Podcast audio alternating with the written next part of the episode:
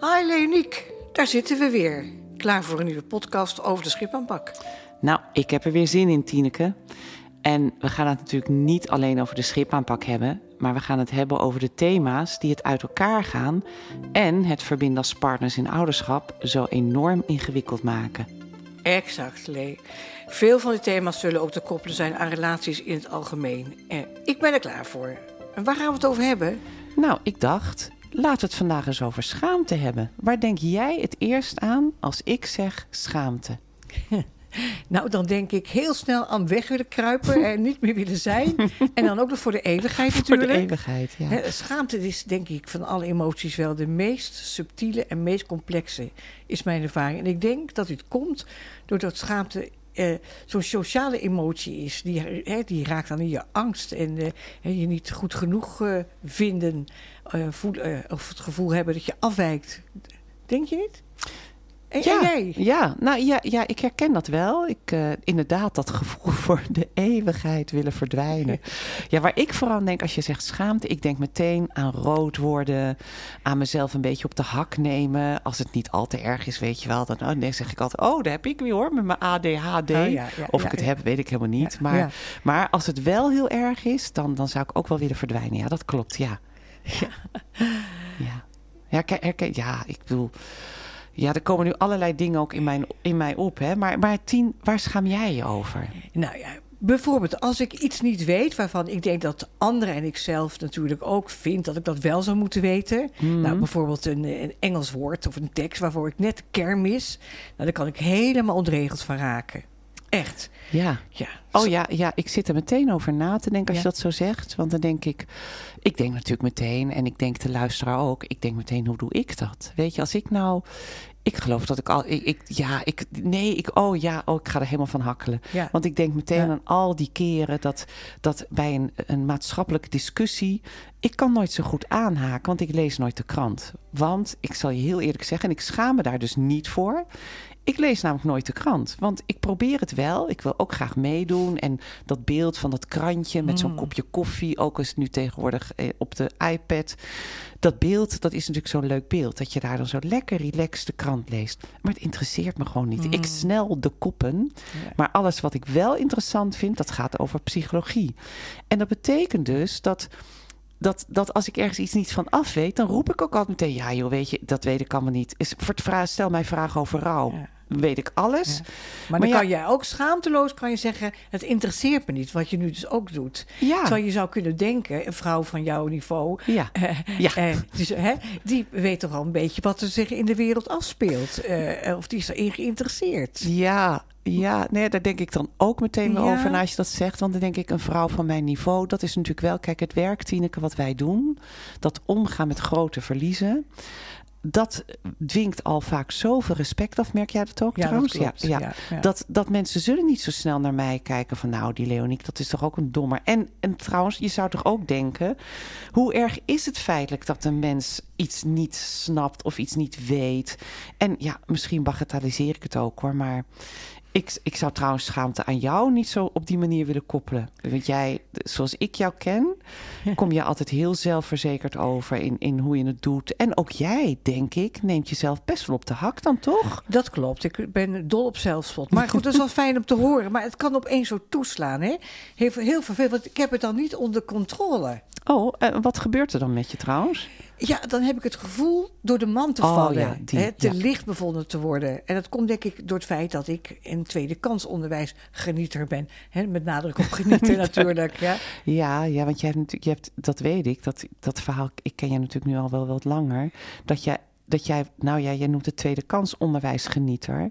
Maar voor mijn gevoel ben je, dat was het niet tweede kans. Je bent gewoon je opleiding genoemd, maar wel naast je gezin.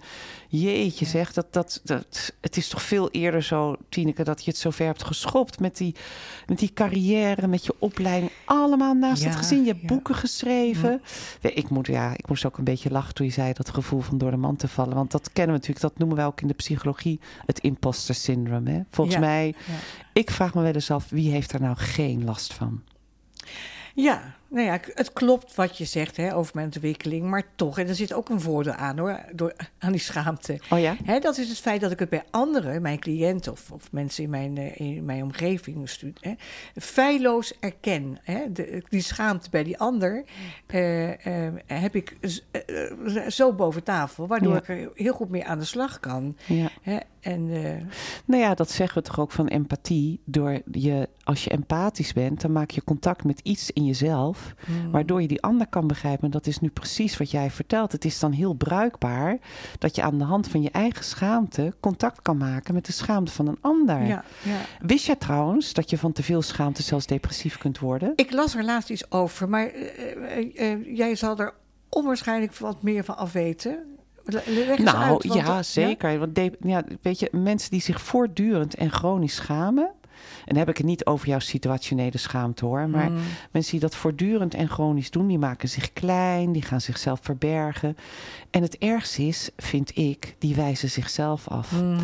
En ja, ik denk dat het niet zo erg is als jezelf afwijzen, waardoor men, mensen zichzelf ook kunnen gaan beschadigen. En in het ergste geval ontnemen mensen zich misschien zelfs van het leven. Ja. En nou koppel ik dat natuurlijk nu eventjes in deze podcast aan schaamte, maar er zijn natuurlijk vele redenen waarom mensen dat doen. Hè. Dat hoeft echt niet alleen over schaamte te gaan, maar je kunt je er vast van alles bij voorstellen, toch? Ik kan me er alles bij voorstellen. En de ellende is, door schaamte ga je vermijden. En door te vermijden ga je Ja. weer schamen. En je raakt in isolement. Ja. Heb, je, heb jij nog meer schaamtes eigenlijk? ik, eh, Oei. ja, oei, oei. Oei, oei, Ja. oei, oei, oei. Ja, Ja. en dan, dan moeten dat dus ook nog schaamtes zijn waar ik nu over zou willen vertellen. Hè? nou, Nou, kom op, ja, oké. Nou goed, ik weet eentje. Zelfonthulling. Ja, een, be- een beetje pijnlijk. Een beetje pijnlijk. Ehm, ik heb dat, ik denk, nou, nou, misschien heb ik wel eens tegen jou gezegd dat ik me daar ook best wel voor schaam. Want jij, jij moet mij daar altijd ook wel een beetje, oh, je lacht er een beetje om. Want ja, je vond het ook een beetje dom van mij. Maar kan jij je nog herinneren dat wij begonnen met de schipaanpak? Ja. En dat wij stellen hadden die wij gratis begeleiden, omdat we wilden kijken. Kosteloos, hè, noemden wij Kosteloos, dat. hè? ja, Dat precies. Ja, eh, gra- ja, precies, kosteloos. Ja. En dat deden we natuurlijk omdat we ook wilden kijken. We hadden een aanpak bedacht en werkt die nou? En toen hadden wij dat stel waarvan hij vreemd ging. Kan je nog herinneren? Ja, zeker, zeker. Misschien weet je al een beetje waar ik heen Ja, wil. ja, ik voel al aankomen. Maar de luisteraar ga door, niet. Ga door. Want ik had toen die vrouw, zijn vrouw, want zij waren nog bij elkaar. Zij was erachter gekomen dat hij was vreemd gegaan. En de insteek was wel, zij wilde de relatie redden. Dat was, daarvoor zaten ze ook bij ons voor de schipaanpak. Ehm, en, ja, en de mogelijkheid was ook dat ze uit elkaar zouden gaan. Maar dan wilden ze echt die relatie goed afhechten. Dus de uitkomst was ongewis. Maar het neigde wel naar de relatie redden. Maar wat mij telkens gebeurde. Ja, oh, oh, oh.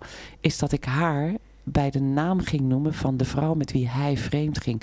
En niet één keer, Tineke, weet je het nog? Ja, ik zag het iedere keer. dacht, oh, daar, Ja. daar gebeurt het weer. En dan, oh, ja. En, Ja. en, en ik geloof dat ik het wel vijf of zes keer heb gedaan. En, en, en op een gegeven moment werd het zo erg dat jij zei... voordat we de sessie ingingen... Lee, Ja. denk eraan. Ze heet... Ik zal haar naam nu niet noemen, hè, maar denk eraan. Ze heet... Oh, dat, nou, daar schaam ik me echt voor, Ja, hoor. ja. Oeh, ja. Ja. maar dat is ook Mm. wel, vind ik wel een begrijpelijke schaamte of zo. Hè? Maar het is wel een, een, mooie zelfonthulling hoor. Nou ja, ik werd er ook wel heel onzeker van. Want ik wilde haar niet dat. Dat, dat was natuurlijk voor haar enorm pijnlijk. Ja, En dat ik mezelf niet onder controle had om dat goed te doen. Ja. Als therapeut, hè? Nee, Poeh, ik snap zo het. belangrijk. eh, dus eh, tas je professie een beetje aan. Ja, Hè? ja. Maar ik ben er wel van overtuigd, hè, wat je nu ook weer laat zien. Hè, wat, eh, heel herkenbaar, dat zullen veel mensen hebben. Dit soort eh, eh, repeterende zeg maar fouten. Hè. Eh, dat zelfonthulling leidt altijd tot, tot zelfonthulling, zelfonthulling aan die andere kant. Hè. En in die zin is dat heel helpend in, in hulpverlening. Niet dat je als therapeut eh, jezelf moet onthullen bij je cliënt. Nee. Maar het erkennen en het eh, benoemen. ja. Hè, want er wordt wat achtergehouden als het gaat over schaamte en de angst voor ontmaskering. Niet alleen bij onszelf, maar ook bij onze cliënten. Hè? ja. En als je je schaamt, ervaar je toch een emotionele dissonantie tussen degene die je eh, bent en die Ja. je graag wilt zijn. En dat is naar. Dat is een naar gevoel. ja. Ja. Nou ja, en ik denk ook vaak, weet je, ehm, mensen schamen zich ook voor dingen waarvan als ze het licht zien, dat ik denk, dat lijkt me ook heel normaal. Wat jij net ook tegen mij zei. Hè? Het, is, het is ook niet zo heel raar als je zo'n fout maakt. Terwijl je jezelf daar ook zo op af gaat straffen. Mm. Maar kijk, we hebben natuurlijk ook niet voor niks in die schipaanpak zo'n mooie oefening Ja. over schaamte. Hè? Want, nou ja, jij weet dat, maar voor de luisteraar niet. Wij vragen dan aan de cliënt, en dat is pas in fase 3, maar dan vragen we aan de cliënt: heb je wel eens gedachten of gevoelens bij jezelf waarvan je schrikt en waarvan je denkt: oeh, als die ander zou weten dat ik dat dacht of denk over hem of haar. Dan zouden ze op een hele andere manier naar mij kunnen kijken. En dan zouden ze mij misschien wel niet meer willen kennen. Maar ondertussen heb je wel die gedachten of gevoelens, hè? Ja, klopt. En, en waarom is het nou zo belangrijk dat ex-partners deze schaamtegevolle gedachten wel tegen elkaar uitspreken?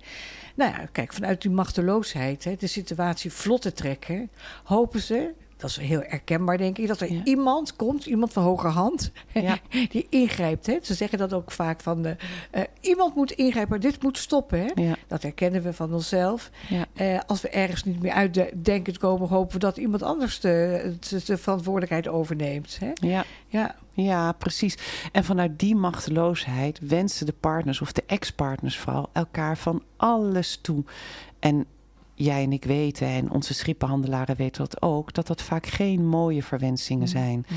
Maar naast dat je jezelf eh, ja, daarmee opzadelt hè, met zo'n schaamtevolle gedachte, is het ook voelbaar dat, dat jouw partner dat ook voelt, of jouw ex-partner. En vaak ook zegt dan, ja, nou, ik weet het heus hoor, ze kan wel achter het behang plakken. Maar dat is nog wel even een mild voorbeeld. ja, ja. En juist door die gedachten uit te spreken, krijgen ze lucht en ruimte en kunnen ze als het ware vervliegen. En soms hebben we ook wel eens meegemaakt dat mensen er ook gewoon om moeten lachen. ja, want- ja. Als dat allerergst dan tegen elkaar is uitgesproken, die blokkade is verdwenen, dan blijkt er ook opeens ruimte te komen voor nog andere ingewikkelde dingen die ze nog met elkaar te bespreken Ja. hebben. En ja, jij noemt dat altijd zo mooi, de emotionele pijpleiding doorblazen of leegblazen, toch? Ja, dat klopt. Ja. Maar het gaat dus ook in feite helemaal niet over de inhoud van die schaamtevolle gedachten. Maar veel meer om aan te geven dat ze elkaar zo klem hebben gezet. Ja, ja, ja. Hè? En- Ja, en dat is precies de reden waarom we ook nooit op die inhoud ingaan. Maar vooral benadrukken dat het zijn maar gedachten en zo groot was je wanhoop. Hè? Die machteloosheid waar mensen in zitten. Ja, ja, Nou ja, professionals zouden wat mij betreft nog veel meer ogen en oren moeten hebben eh, ontwikkelen voor schaamtevolle gedachten en gevoelens. Hè? Want op het moment dat het proces van die hulpverlening stokt en de therapie zelfs zo hè, vaak dreigt vast te lopen, is het onze taak om te zoeken waar, dat on- waar, waar het stagneert. Mhm. Hè, wat maakt dat, dat het niet, eh, eh, niet, niet, niet, niet goed loopt. Hè? ja. En mijn ervaring is, en dat het altijd ontluisterend is, zou ik bijna zeggen, maar dat klinkt zo oordelend, dat mensen binnen een relatie van alles tegen elkaar niet zeggen, uitspreken of vragen. Ja, precies. Ja. En, en nou ja, dat horen we natuurlijk ook zo vaak. Dat ze dan zeggen bij ons in de behandelkamer. Hadden we dit maar eerder besproken. En dat ze dan vaak voor het eerst van elkaar horen waar ze geraakt in zijn. En wat ze ook zo verdrietig hebben gemaakt. ja, hè? ja. Ja, ja. Zo herkenbaar en Ja. niet zo gek natuurlijk. Als je je schaamt en je spreekt het uit, Ja. ben je wel super kwetsbaar. Dan kun je op af worden gerekend door je partner. Ja, En omdat de kans groot is dat die partner zich ook weer schaamt voor zijn of haar kwetsbare gevoelens en gedachten, missen ze elkaar voortdurend. Nou, en het is niet alleen dat je erop wordt afgerekend. Soms word je er ook later nog op afgerekend. Mm. Dat horen we toch ook vaak. Dat dan een ex-partner zegt: Ja, nou ja, ga jij maar weer denken, dit of dat of zus of zo hoor. Dus dan word je eigenlijk achteraf, krijg je nog eens een keer een steek na. En weet je, ik vind niet dat schaamte een negatieve emotie is. Helemaal niet. Stel je toch voor dat we ons nergens voor zouden schamen. Want als mensen zich schamen, kan dat ook betekenen dat ze immoreel bezig zijn. Dat ze zich daar bewust van worden. Ja, En dat ja. maakt duidelijk dat je een geweten hebt. En dat je niet alleen voor jezelf leeft. Schaamte, vind ik, laat zien dat je het graag goed wil doen. Ja. Dat je ergens bij wil Nou, horen, ik ben toch? heel blij dat je er nog even bij stilstaat zo aan het einde van onze podcast. Want kijk, mensen willen graag deugen in de kern, denk ik. Hè?